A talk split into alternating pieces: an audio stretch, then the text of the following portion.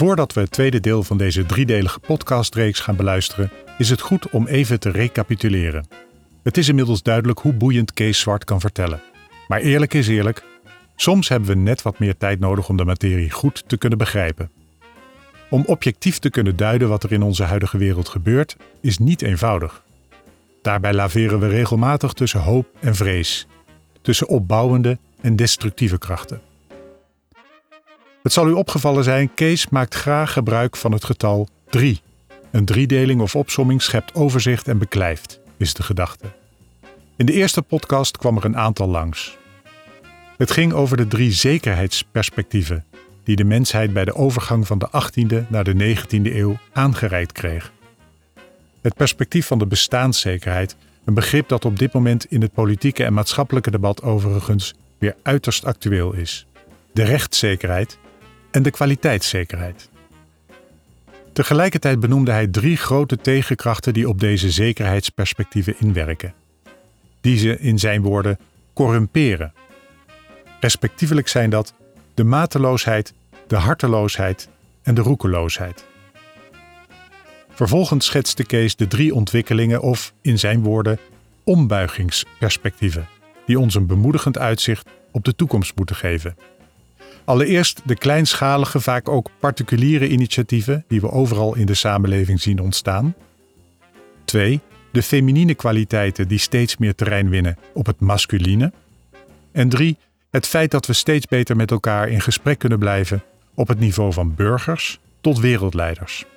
Om dan toch weer af te sluiten met de ontwrichtende geesten der verwarring die het innerlijk leven, de ziel, zo je wilt, van ons als individuen, maar ook ons als collectief proberen te verstoren. Na corona kunnen we ons alles voorstellen bij virussen.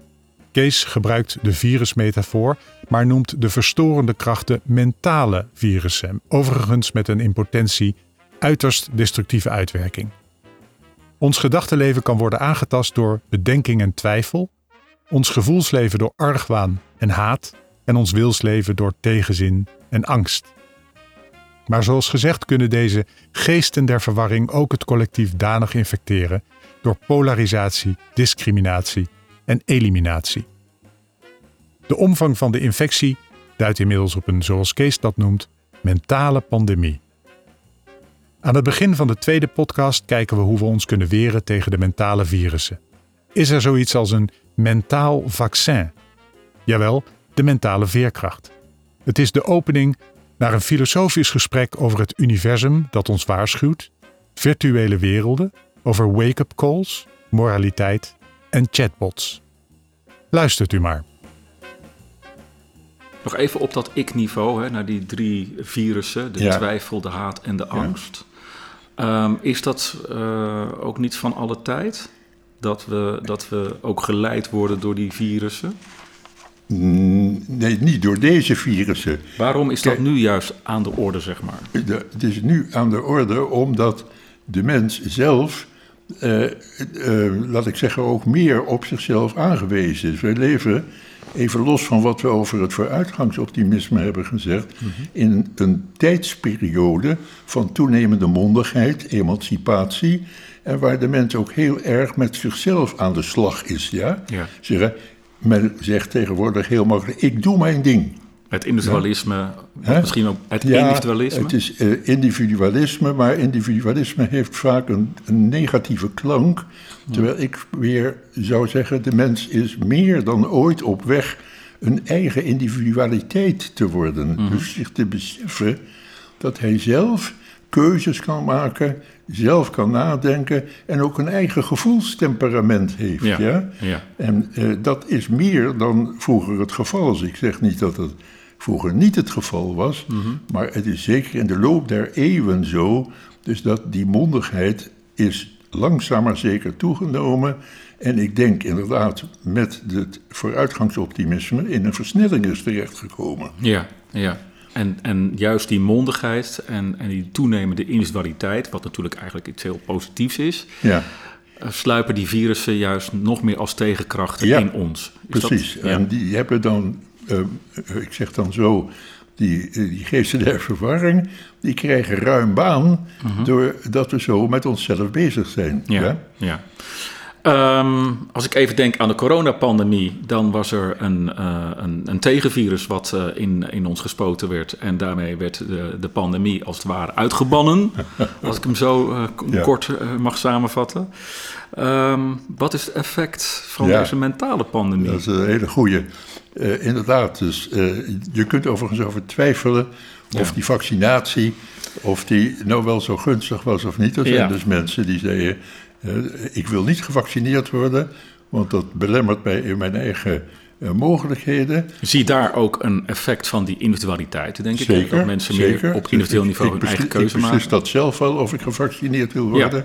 Of ik zie de risico's niet. Ja? ja? Dus er is een hele krachtige stroming geweest die heeft gezegd anti-vaccineren.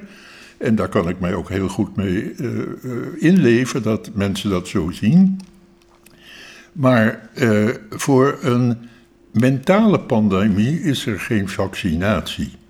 Oh. Dat, is de, dat is dus de, de eigenaardigste. Ik zou niet weten wat je iemand moet inspuiten om eh, te helpen de mentale pandemie te voorkomen. Ja?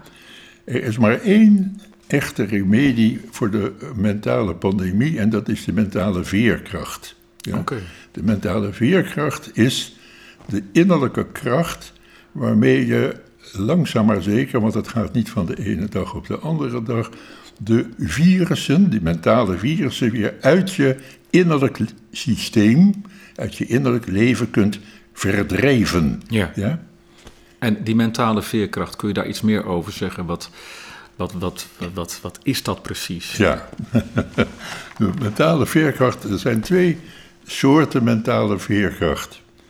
Um, de, ik noem dat de ambitieuze mentale veerkracht. Uh, ik komt ineens plotseling bij mij op het voorbeeld van, um, uh, uh, hoe heet die, Adriaan, ehm, de, de, nieuwe wereldkampioen wielrennen. oh, Van de Poel, Mathieu ja, van der Poel. Daar zie je een, een prachtig voorbeeld van ambitieuze, jeugdige mentale veerkracht. Dus ja. hij is in Glasgow is hij met zijn drie grootste concurrenten is die ontsnapt. Ja. En een enige tijd voor de finish uh, gaat hij in een solo, demareert hij. Mm uh, en omdat ze geen oortjes in hebben, dat is ook zo interessant, dus ze kunnen niet geholpen worden door een vaccin, ja. moeten ze met elkaar moeten ze dat uitvechten. Ja. En wat gebeurt er? Hij komt in een bocht, glijdt hij onderuit, beschadigt zijn voet, ja. uh, kan met zijn schoen eigenlijk niet meer in de klip terechtkomen. Maar wat gebeurt er? Met mentale veerkracht mm -hmm. en met de ambitie, ik wil wereldkampioen worden. Ja. Ja, met een, dus een heel heldere, gefocuste uh, uh, toekomstvisie. Mm -hmm. gaat hij dus weer direct op zijn fiets zitten. En dan loopt hij nog uit ook op zijn concurrenten. Ja, dus ik zie hier, ik zie hier ambitie ik zie ambitie vertaald in visie. Hij wil gewoon die wedstrijd winnen. Ik zie ook uh, mentaal je fysieke pijn overwinnen. Ja. En ik zie hier ook iets van, van nou, noem het maar, doorzettingsvermogen. Doorzettingsvermogen, zeker. Ja. zeker dat zie. Maar nou is er een ander soort uh, mentale veerkracht. Dat noem je doorleefde mentale veerkracht. Ja. Daar moet je voor eerst geleden hebben. Daar moet je voor pijn hebben gehad. Je mhm. moet beproevingen hebben doorstaan. Ja? Mhm. En die komt pas eigenlijk veel later in het leven, namelijk pas na het 56e, eigenlijk echt tot zijn recht. Maar misschien kunnen we dat dadelijk wat uitvoeriger bekijken. Want die verschillende fases in het leven die zijn heel belangrijk om de kwaliteit van je mentale veerkracht te beoefenen en te beproeven. Ja, dus je hebt de ambitieuze veerkracht, mentale veerkracht en de doorleefde. En de doorleefde veerkracht, ja, dat zijn twee. Kijk, en dat kan je niet zo uh, uh, dogmatisch tegenover elkaar stellen, want dat loopt ook door elkaar. Er zijn mensen die al heel vroeg door het leven, ja.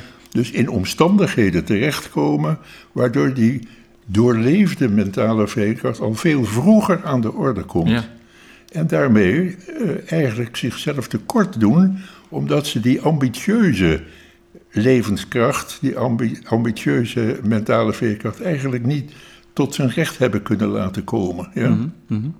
En het omgekeerde komt ook voor dat mensen dus met die die, die al oud zijn, toch nog op een enig moment een spontaan gevoel van een nieuwe mentale veerkracht krijgen. Bijvoorbeeld omdat ze in een andere baan terechtkomen of omdat ze een andere partner vinden in het leven. Ja? En dat veer, dan veren ze zo op, plotseling, dat er nieuwe mentale veerkracht ontstaat. Ja. Terwijl jij dit uitlegt, denk ik toch weer opnieuw, ja, dit is ook van alle tijden. Ja, daar heb je blijkbaar een preoccupatie mee. Dat je, Zet mij maar even neer, ja? Dat je alles van... Natuurlijk, je kunt, je kunt zeggen dat altijd alles van alle tijden is, ja? Mhm. En dat is dezelfde stelling van... Ja, de mensen die sloegen elkaar toch vroeger ook altijd de koppen in. Ja. ja dus de mens is slecht. Ja? Je kunt mijn gedachten lezen, ja. Ja, nou ja, maar weet je wat het is? Het heeft geen, geen zin om zo uh, in wel eens niet eens te denken. Mhm. Het gaat erom wat er in dit moment, op, in dit tijdsgevricht, van die algemene kwaliteiten die de mens heeft, ter beschikking heeft, mhm. wat er in dit moment van de tijd aan de orde is. Ja? ja, En dat uh, zeg ik dus, ja, aan de orde is nu dat we, uh, dat, ik zeg het in mijn woorden, dat het universum mhm. ons een teken geeft dat het erop aankomt of we in dit tijdsgevricht die mentale veerkracht uit onszelf ja. ten dienste weten te stellen van de wereldontwikkeling. Oké, oké. en als jij zegt het universum geeft ons het teken, kun je daar iets meer over zeggen? Jazeker. Dan zou ik het niet gezegd hebben. Kijk, eh, als je even de, de korte termijn terugdenkt aan de coronatijd en de daaropvolgende uh, invasie in Oekraïne, mhm. dan zie je in mijn optie is dat een teken van de, de geestelijke wereld, van het universum, dat de mens krachten kan ontwikkelen die tegen de verdrukking in een nieuwe toekomst creëren. Dat zeg ik nou erg ingewikkeld, maar ik bedoel gewoon dat bij de coronacrisis, dat was een, die pandemie, daar was die aandoening was onbekend. Ja? Dus de infectie van de longen, de virusinfectie van de longen met een vrijwel directe dodelijke afloop, die was onbekend. Ja. En als je ziet wat hulpverleners en mantelzorgers daar hebben gepresteerd met elkaar, wat ze hebben uitgehouden en wat ze hebben gedaan, dus dan zie je dat de, ik zeg dat nu even in mijn woorden, dat het universum ons heeft laten zien, een wake-up call, het kan nog zo erg zijn, mhm. maar de mens beschikt innerlijk over de kracht om mentaal de toekomst te blijven voor zich zien. Ja. En hetzelfde geldt voor de Oekraïne, waar een heel volk wordt aangevallen. Ja? ja. En als je, ja, Zelensky is daar natuurlijk het prototype van het voorbeeld, maar hij is het niet alleen. Dus dat, dat Oekraïense volk toont op dit moment dat ze de wake-up call van het universum hebben, innerlijk hebben verwerkt en zeggen: wij laten ons niet beetpakken, we zullen vechten en we zullen er mentaal bovenop komen. Ja, ja. Nou, dat, dat is waarom ik zeg dat uh, het universum ons daar een uh, teken geeft. En uh, ik voeg er nog een ding aan toe. En dat is het volgende waardoor ik zelf wakker ben geworden. Mm -hmm. En dat is uh, midden, of nee, het is in mei 2022 geweest, dus mei vorig jaar. Ja? Toen heeft uh, Hans Goedkoop mm -hmm. uh, bij de dodenherdenking, de algemene dodenherdenking, in de Nieuwe Kerk een toespraak gehouden. Misschien heel even, Hans Goedkoop is ex-presentator van Ex-presentator van andere tijden, ja. ja. ja.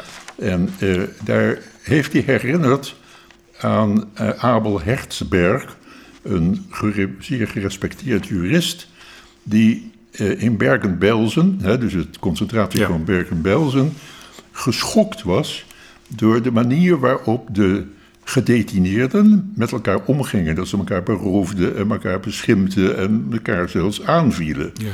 En toen heeft hij gezegd, er moet een teken van beschaving neergezet worden. En hij heeft toen voor elkaar gekregen dat daar de kampbewoners een eigen rechtbank hebben gemaakt. Mhm. En hij heeft, zo heeft Hans Goedkoop dat verteld, hij heeft gezegd: elke beschaving begint met een primaire notie wat wel en wat niet mag. Ja. Dat kun je dus uitleggen als een intuïtieve vorm van moraliteit. Ja, ja. Een intuïtie, morele intuïtie. Mhm.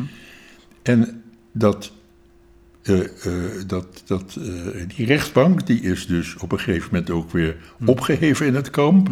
Maar wat mij daar enorm aan gepakt heeft, is die opmerking van Abel Hertzberg dat elke beschaving begint met een basale notie, een, een, een primaire eh, eh, intuïtie wat moraliteit is. Ja. En dan kom ik terug op, op, de, op mijn eh, opmerkingen in de eerste podcast van de Geesten der Verwarring. Ik denk dat die mentale, die mentale pandemie bewerkt dat we de moraliteit uit het oog verliezen. Ja, Sterker gezegd, ik ben enorm eh, gepakt door dat ik zie dat eh, het niet meer gaat of je moreel of immoreel bent, maar de mensen zijn überhaupt niet meer aanspreekbaar op moraliteit. Dus het tijdperk van de amoraliteit breekt aan. Maar kun je ook zeggen dat, dat ehm, want je haalde Hertzberg aan naar aanleiding van, hadden het over de tekens van het universum, hè, die dan toch weer een, een, een soort wake-up call zijn voor ons Ja. als mensen. Ja. Kun je die tekens van het universum ook zien als een beroep doen op onze moraliteit? Ja, dat is het juist. Ja, Het is het. Dus, dus door die opmerking van, van eh, Abel Herzberg is bij mij, als het ware, de contradictie, de contradictie in Mhm. het leven zo sterk geworden van dit moment. Als je zegt de tijd waarin wij leven, ja, Ja. dat we aan de ene kant een wake-up call krijgen van lieve mensen, zorg ervoor dat je je mentale eh, vitaliteit bewaart ja, of ontwikkelt. Ja. Aan de andere kant ziet dat op het grondvlak van de samenleving de amoraliteit ongelooflijk uitgebreid is. Kinderen die elkaar om, omversteken, die elkaar pesten. Eh, eh, nou ja, eh, instituties die niet meer aanspreekbaar zijn op de gevolgen van hun daden. Denk aan de eh, toeslagenaffaire. Maar denk aan wat er daarna is weer gebeurd met, de met de, eh, hoe heet het, de studiebeurzen Ja. van eh, studenten die uit huis waren. Dat daar dus een, eh, zeggen we in het, op het, eh, hoe heet het, een, een, een, algo- een algoritme is ontwikkeld. Ja. Wat heel duidelijk dus bepaalde mensen wel en bepaalde mensen niet heeft toegelaten.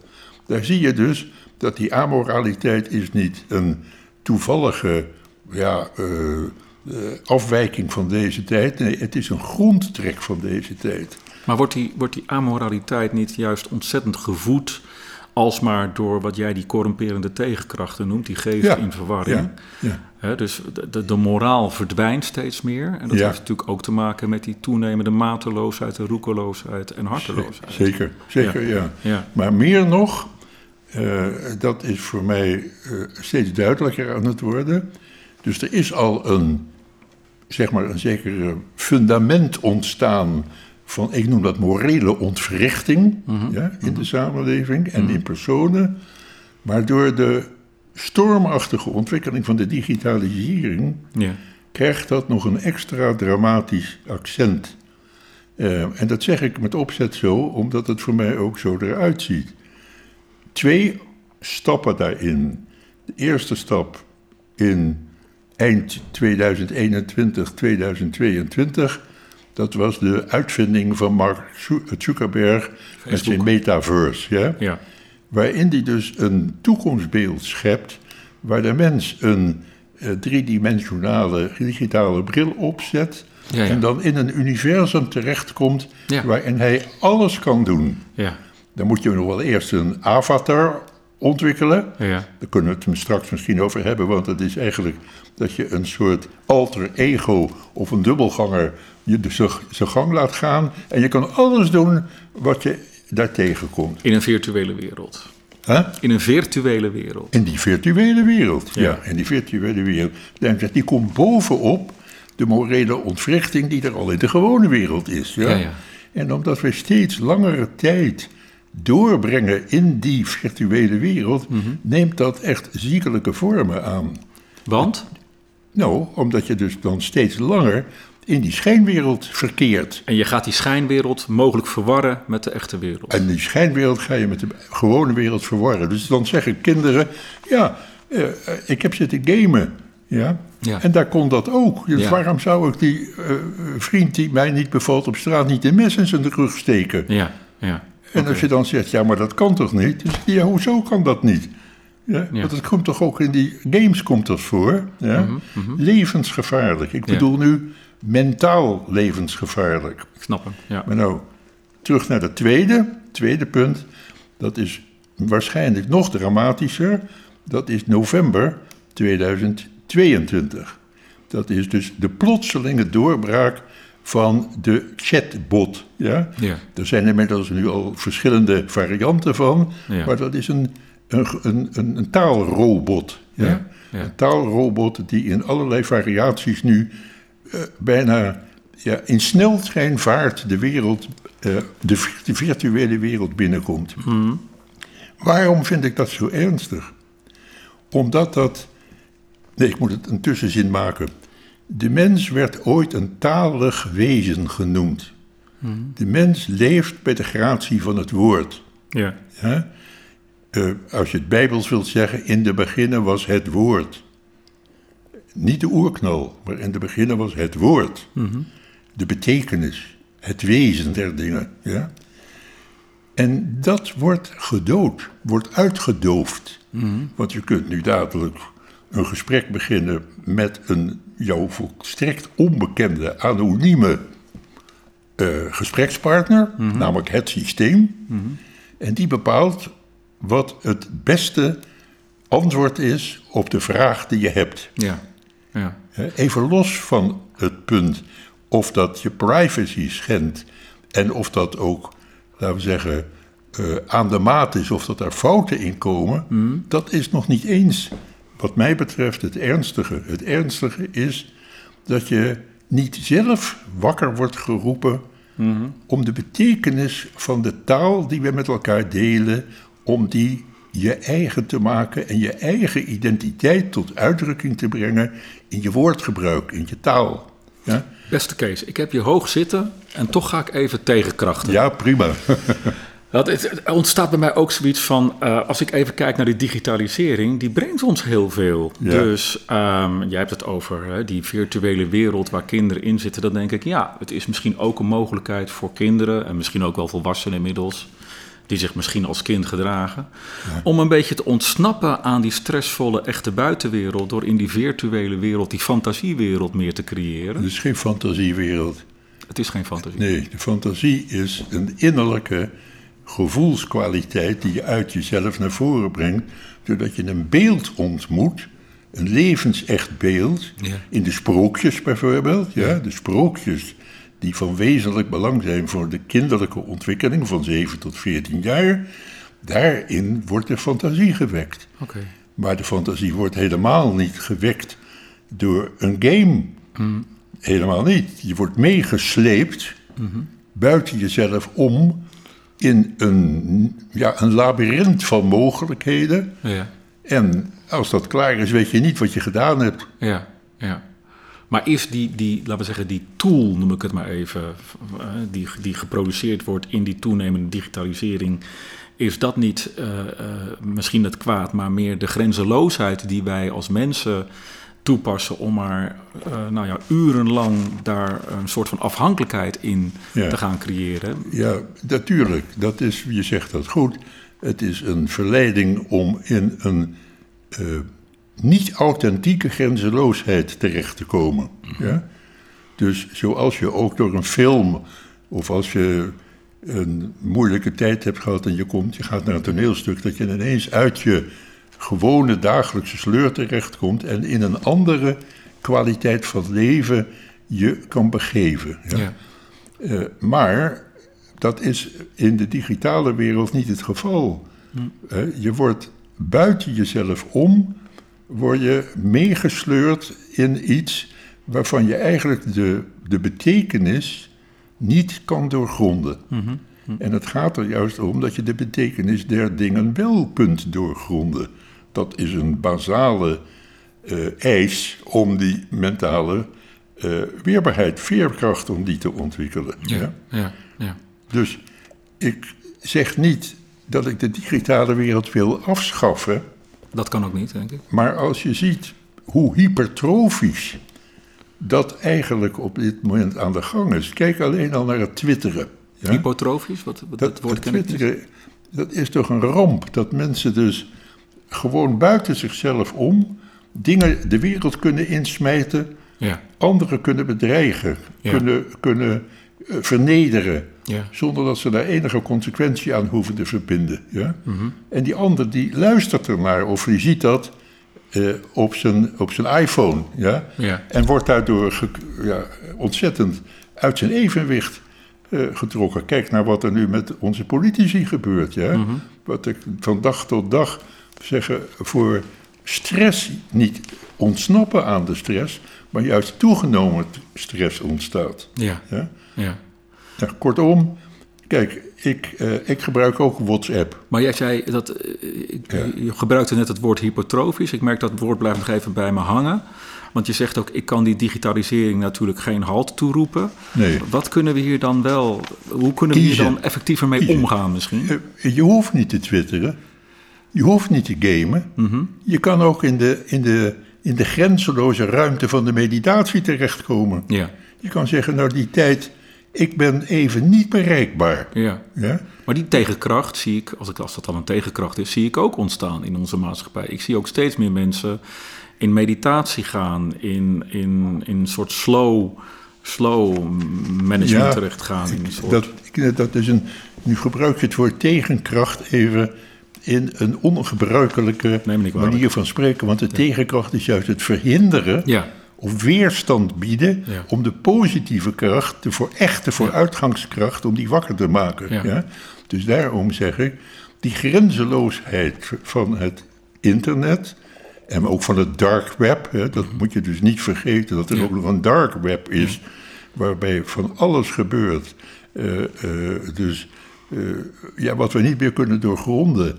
Denk aan de hele opgekomen georganiseerde misdaad en de ondermijning ja. van de samenleving die daarmee samenhangt. Ja, dan zie je hoe ernstig dat is. Mm -hmm. En ik zou juist zeggen dat er meer ruimte moet komen voor de positieve kracht. Mhm. Mm -hmm. Dat je inderdaad zegt: ik kan ook een keer stil worden. Ja? Ik hoef niet voortdurend aangeschakeld te zijn en online te zijn. Ik wil in elke dag wil ik een periode hebben dat ik bij mezelf ben, dat ik stil ben, ja. dat ik luister. Ja. Het luisteren, dat is een van de zwakste schakels van ons moderne sociale leven. Spreken, dat is in overvloed aanwezig. Kijk maar naar de politiek. Mm. Maar het luisteren, ja, het innerlijk luisteren, wat wordt er tot mij gesproken ja. vanuit het universum? Ja. Dat is de beste remedie tegen de verdoving van het bewustzijn die ontstaat door een overvloedig, een te overvloedig gebruik van de digitale middelen. Hm, ja, oké. Um, zit hier nou een, uh, ook een, een, een, beetje een oude man die de digitalisering gewoon niet meer helemaal snapt en alleen maar de negatieve effecten wil zien ja. en een beetje uh, ja. doorslaat in, in, in spiritualiteit als het ja. gaat om het universum? Ik chargeer natuurlijk enorm, hè, dat snap ik, maar, maar om het ook even, uh, want ik kan me ook voorstellen dat mensen denken, ja, dit is gewoon niet meer tegen te houden. En misschien moeten wij wel moeten wij wel zodanig verslaafd raken aan die digitalisering en zo ontvreemd raken van de werkelijkheid door die digitalisering, ja. dat er daardoor juist weer die positieve kracht meer gestimuleerd wordt. Ja, ja dat sluit ik dus niet uit. Ja? Dus uh, inderdaad, er zit een oude man tegen je voor je. Ik ben Die ik overigens hoog heb zitten. Hè? Ja. maar uh, ik heb toch de indruk dat ik mentaal nog redelijk fit ben. Ja, ja. dat heb ik ook, ja.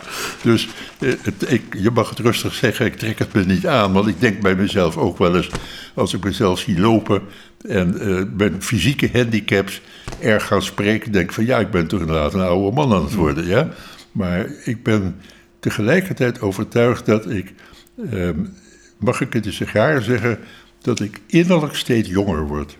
Mooi. Dat ja. ik innerlijk steeds jonger word, omdat ik dus voor mijzelf uh, uh, heb geprobeerd en nog steeds probeer om uit mijzelf de innerlijke kwaliteit van het leven hoog te houden. Ja? En mijn eigen dingen te doen en me niks aan te trekken van eh, allerlei ontwikkelingen waarvan ik denk, ja, dat hoef ik niet meer. Ja? Ja.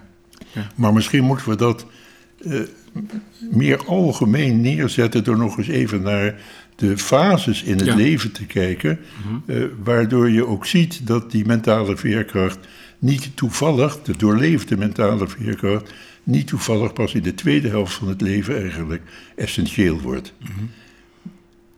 Maar is dat een. Ja, prima. Ja, ja je, Kijk. Je, je, schakelt, heel mooi. Ja. Kijk. Um, een jonge geest kan dat, volgens De, de, kwaliteit van het menselijk leven. Ja? Uh, als je die nu even uh, focust op de mentale veerkracht, want de kwaliteit van het menselijk leven heeft ook andere aspecten. Maar laten we zeggen, als je die focust op de mentale veerkracht, dan kan je dus zien dat er bepaalde fases zijn waarin dat al dan niet aan de orde komt. Mijn indeling is ongeveer de volgende, maar ik zeg er van tevoren bij, behandel het niet als een schema. Mhm. Want het, is het, het, slechtste wat je kan doen is het leven schematiseren. Ja, Maar het, het, is wel belangrijk om die verschillende fases te herkennen. Ja. 0 tot 14 jaar is de fase van de ontplooiing. Mhm. ja? En daarin speelt dat je voorlopige ervaringen in het leven opdoet. Door de nabootsing voornamelijk. Ja? ja? Je, alle hele jonge kinderen bootsen het gedrag van hun ouders en hun opa's en oma's na. Ja. En als ze wat ouder worden, tussen 7 en 14, dan bootsen ze het leven na door het spel. Ja. ja? En dan komt de puberteit en dan boot je het leven nog na, zodat je doet wat je vrienden ook doen. Ja? Mm, ja. En dan komt het moment van 14 jaar, dat is de puberteit. En dan treedt, onder normale omstandigheden, treedt het jonge mens naar buiten en begint de adolescentie. Ik weet ook wel dat die puberteit in vele gevallen vervroegd is. Maar ik schets nu even ja. een ideaaltypische beeld. Ja? ja? het gaat meer om de fase dan exact om de leeftijd. Ja. En dan, dan ontstaat er een periode van 14 tot 35 jaar. Dat is de bloeitijd van de lichamelijke vitaliteit. Hmm. Topprestaties worden geleverd. Daar moet ik wel bij zeggen dat ook dat een kenmerk is van ons tijdsbeeld dat we een uh, te grote uh, accentuering hebben van de prestatie. Dus de prestatie moet al heel vroeg komen. Ja. En daardoor worden mensen ook over de kling gejaagd. Ja. Heel vroeg moet je ook kunnen sporten. je moet pieken, heel vooral. vroeg muziek kunnen maken. Je moet heel vroeg kunnen rekenen en noem maar op. En, uh, maar in die periode van 14 tot 35 jaar, dat is de bloeitijd van het uh, van de mentale, van de uh, fysieke uh, vitaliteit. vitaliteit. Ja. En dan komt er een moment, dat is een groot kantelpunt, dat is het 35ste jaar. Dan zie je dat alle, of althans de meeste, van de topprestaties in de sport, maar ook topprestaties in het werkleven, een kantelpunt bereiken. Mm Omdat op dat moment het leven zo in elkaar zit dat de opbouwkrachten het langzamerhand leggen, af gaan leggen tegen de afbouwkrachten. Dus je moet leren afkicken. Ja. Je kan niet meer tot het gaatje gaan. Mhm. Niet meer in de sport, maar ook niet in je werk. Ja. En dan treedt er een soort tussenfase op van 35 tot 42, waar je de balans op moet maken. Mhm. De balans opmaken is, wil ik zelf verder gaan met wat ik de imago-cultuur noem? Dus eh, wil ik verder gaan met, met te profileren en een imago aan te meten. Vooral heel erg met die buitenwereld bezig zijn. Dus, dat ik vooral met de buitenwereld bezig ben en mijn eigen zijn afhankelijk maak van het oordeel dat anderen over mij hebben. Mhm. Of ga ik voor het eerst echt met mezelf in gesprek en zeg ik, ja, wat kan ik eigenlijk? Ja. Waar ben ik sterk in? Waar zijn mijn zwakke punten? Ja. Dat noem ik de cultuur van de authenticiteit. Ja? Mm. Als dat goed gaat, dan heb je je voorbereid voor wat er na het 42ste eigenlijk aan de orde komt. Na het 42ste, dan komt er een soort nieuwe ontplooiing aan de orde, mhm. maar dat is een innerlijke ontplooiing. En die is, ik zou hem liever noemen, een fase van 42 tot 56. En daar is dus de opscholing aan de orde. En daar kunnen we het dadelijk nog even over hebben, want het is belangrijk dat je gaat zien dat het leren daar niet door nabootsing ontstaat, maar het leren door reflectie. Ja. Het leren door reflectie. Dat betekent dus dat je geconfronteerd wordt met je eigen schaduw. Ja. Dat is het eerste stuk, 42 tot 49. Ja? Ja. Dat is voor vele mensen een enorme schrik. Ja. Dat ze merken dat ze commentaar krijgen van hun omgeving. Dat ze zeggen, nou jij hebt me wel behoorlijk op mijn ziel getrapt. En dat dan de betrokkenen bij zichzelf zegt, ja, dat was helemaal mijn bedoeling niet. Nee, maar het is wel gebeurd. Ja. Ja? Ja. Dus de bedoelingen, die zijn dan op zichzelf waardevol, maar de effecten, die tellen ook. En vaak zijn de effecten zo dat je als mens dus niet doorhebt dat je daarmee een negatieve werking op je omgeving, op je partner of op je organisatie te, teweeg brengt. Dan komt de fase van 49 tot 56. Dat is de fase van echt de existentiële eh, ontmoeting met van wie ben ik nou eigenlijk? Ja. Wat, wat, zit, wat is mijn diepste verlangen? Ja. Wat verwacht ik nog van het leven? Ja. In die periode speelt ook vaak dat kinderen de deur zijn uitgegaan. Of dat je met je werk vastloopt, langzaam maar zeker, omdat het een routine wordt. Of omdat je je fysiek ook echt gaat hinderen. Ja. Hè? De vitaliteit neemt sterk af. Je kan niet meer zo lekker de zwarte piste afracen. Ja? Eh, of met je racefiets het weekend nog even de Alpe d'Huez oprijden. ja, ja, ja, dat is dan eenmaal zo. Ja. Ik heb dat zelf nog later ook meegemaakt. Dat ik nog heel lang dacht, nou ik kan nog wel lang lopen.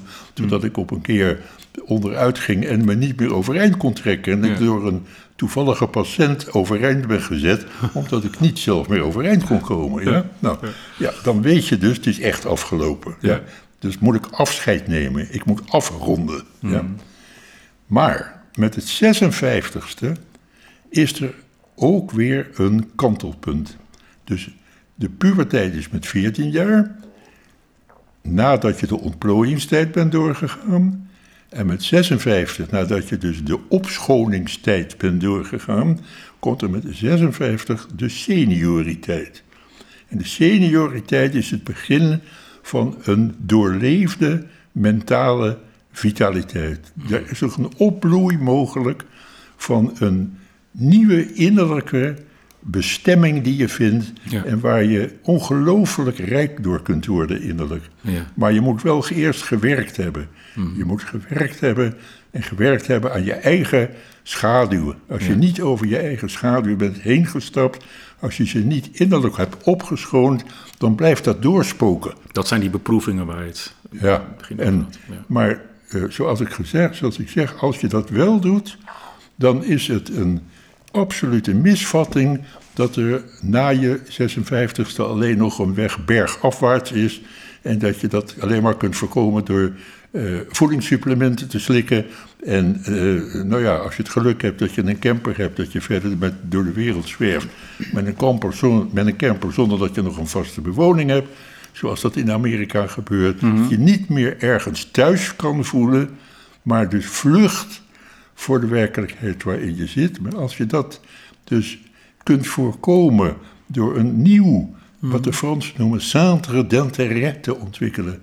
Een nieuwe aandacht voor iets wat het diepste verlangen in jezelf is, maar wat niet tot zijn recht heeft kunnen komen. Als je dat kunt verwoorden, of als je anderen om je, in je omgeving vindt die je helpen om dat te verwoorden, dan kan je nog een ongelooflijke rijkdom in de fase bereiken die daarna komt, tot 84. Ja?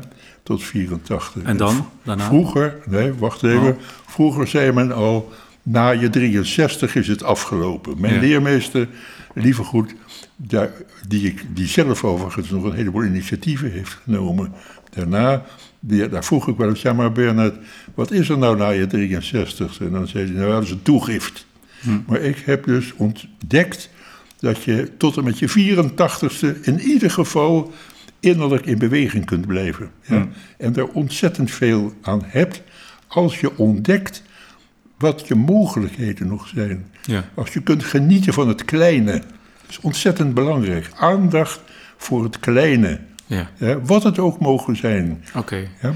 Maar dan na 84 komt de eigenlijke toegift. Oké.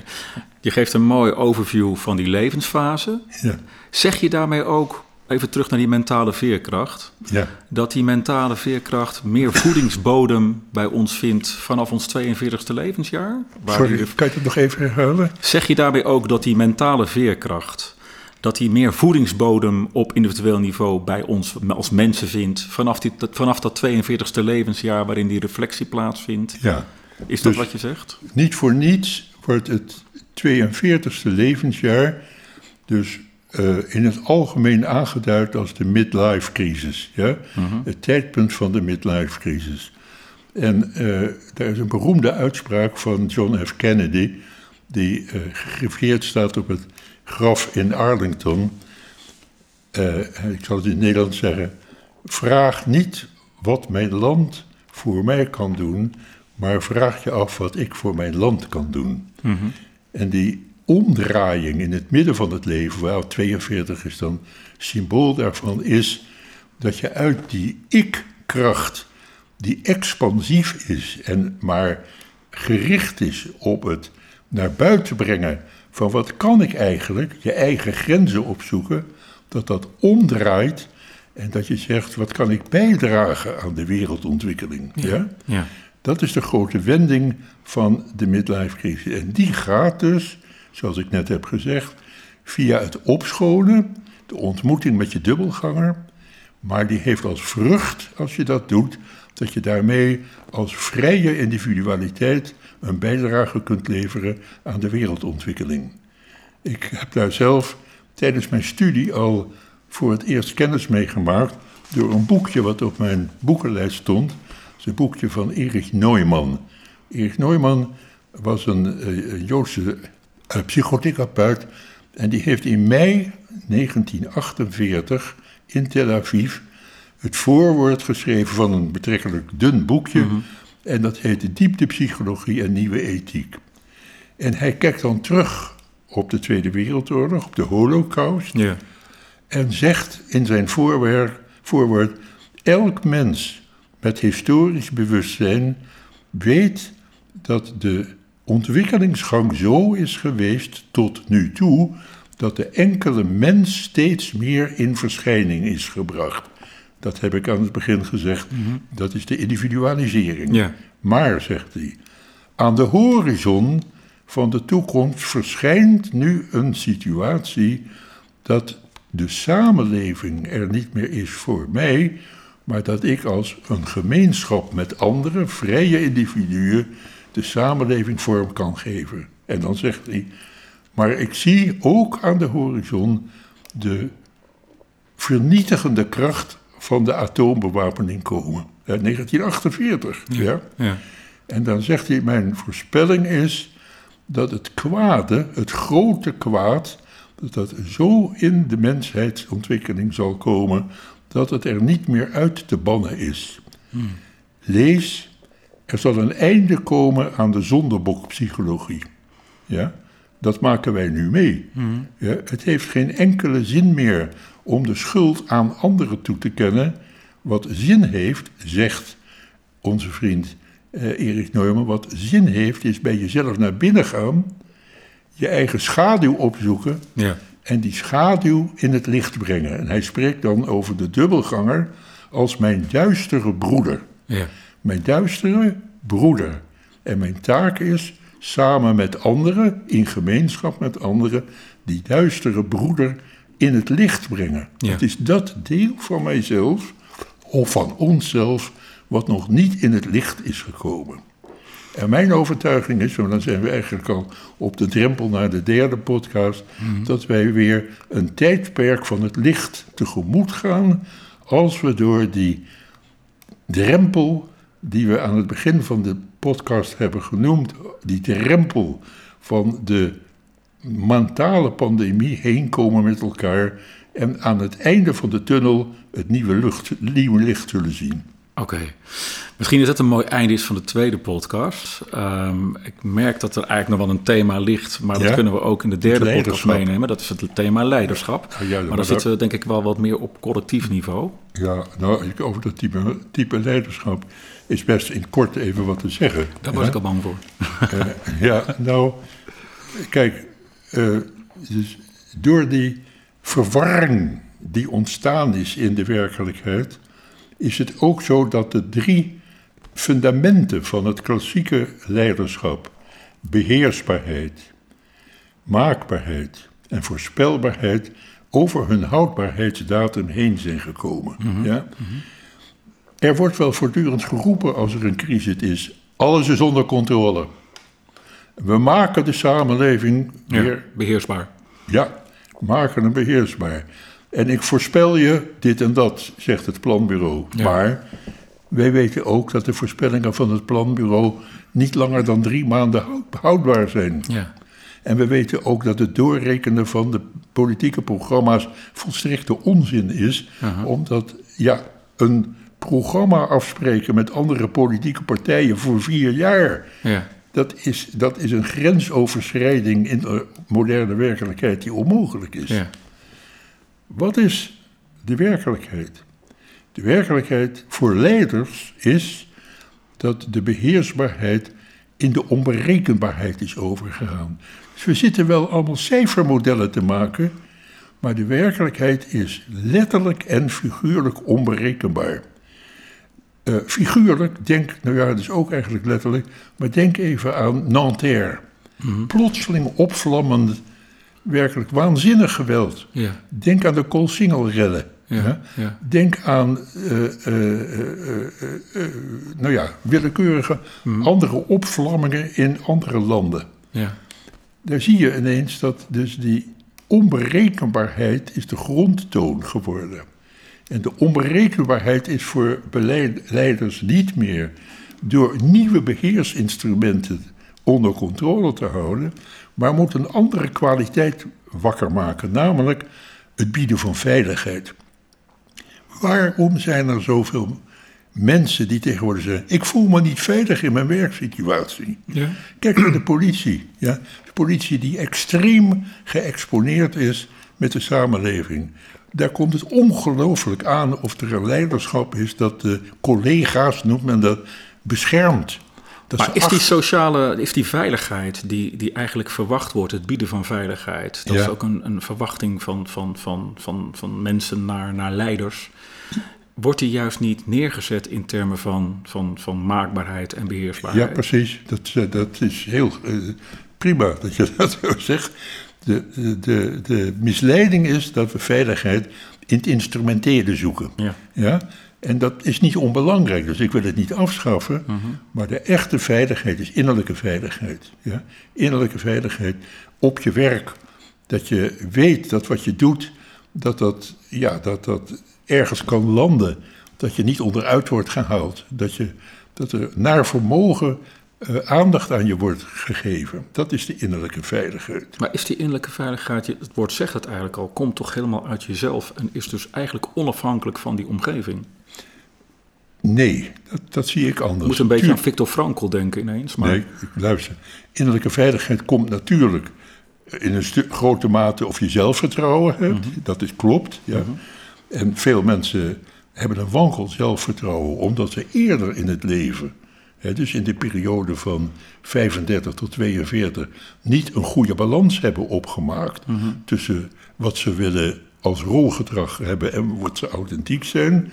Maar veiligheid is toch ook in hoge mate een kwestie van hoe de collega's met je omgaan en hoe je meerdere met je omgaan in je werk. Ja?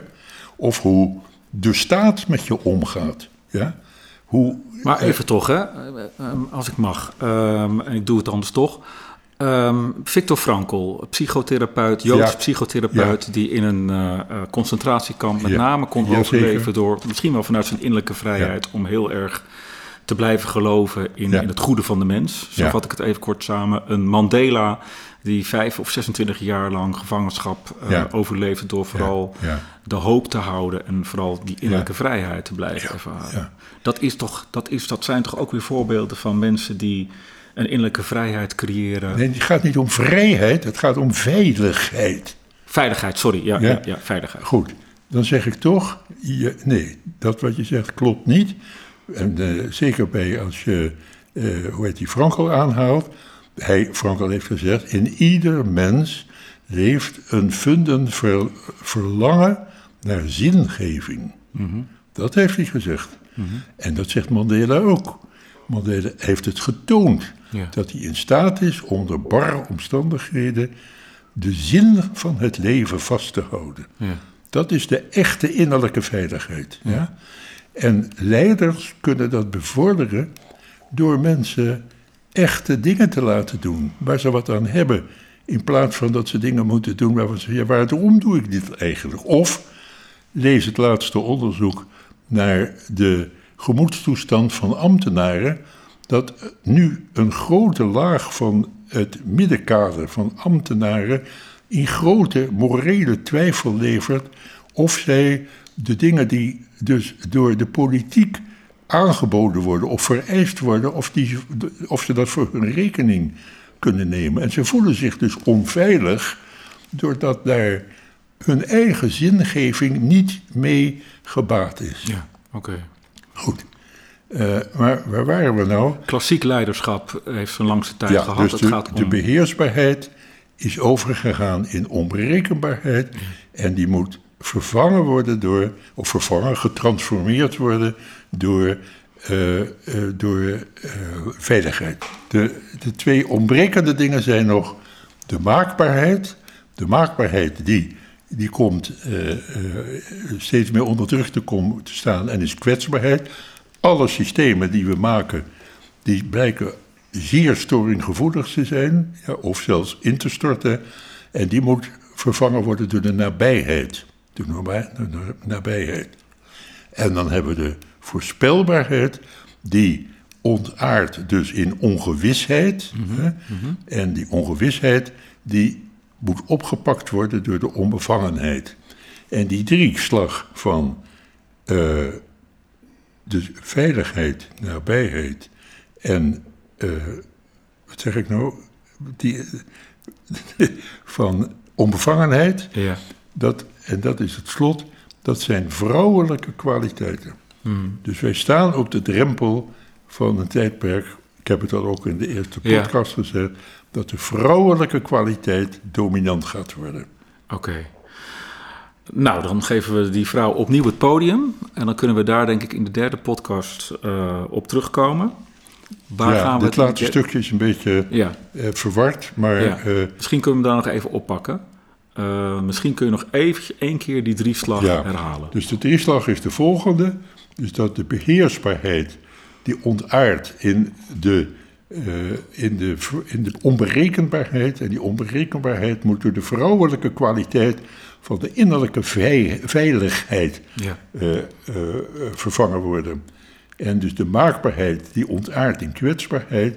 En die kwetsbaarheid moet door de vrouwelijke nabijheid, voor de vrouwelijke kwaliteit van de nabijheid opgevangen worden. En de voorspelbaarheid die ontaart in de ongewisheid. En die moet opgevangen worden door het kweken van onbevangenheid. We hebben als eh, titel voor de derde podcast de dageraad van de toekomst Ja, eh, meegegeven. ja. Ehm, waar gaat dat met name over? Heel kort. Dat gaat A over het besef dat we een totaal andere benadering van de toekomst moeten hebben. Dus in plaats van de toekomst te extrapoleren, gaan we de toekomst zien als datgene wat ons op ons toekomt, Ja. nog niet in verschijning is getreden, maar waar we een verbinding mee kunnen hebben. ja. En als je dat dus doet, als je dat als kwaliteit wekt, dan komt er een nieuwe samenleving die, en daar gaat het met name om, een nieuwe verhouding opbouwt door drie klassieke idealen. De klassieke idealen van de Franse revolutie, vrijheid, gelijkheid, broederschap. Vrijheid in het geestesleven, rechtschapenheid of rechtszekerheid in het rechtsleven en uh, hoe heet het? Broederschap. bestaanszekerheid in het economisch leven. Oké, nou, het zijn veel termen, maar die gaan we vast weer helemaal in een mooi uh, perspectief plaatsen. Dat zal jij doen bij de volgende podcast. En wil ik jou bedanken voor, uh, voor deze tweede podcast. En uh, nou, Graag ik, kijk uit, ik kijk uit naar de volgende. Tot zover deel 2 van deze driedelige podcastreeks waarin we met Kees Zwart praten over de tijd waarin we leven. Eind 2023 gaf Kees Zwart zijn afscheidscollege. De tekst daarvan is uitgegeven in een boekje met dezelfde titel als deze podcastreeks: De tijd waarin we leven. Het boekje is te vinden en eenvoudig te bestellen op managementboek.nl/slash Kees Zwart.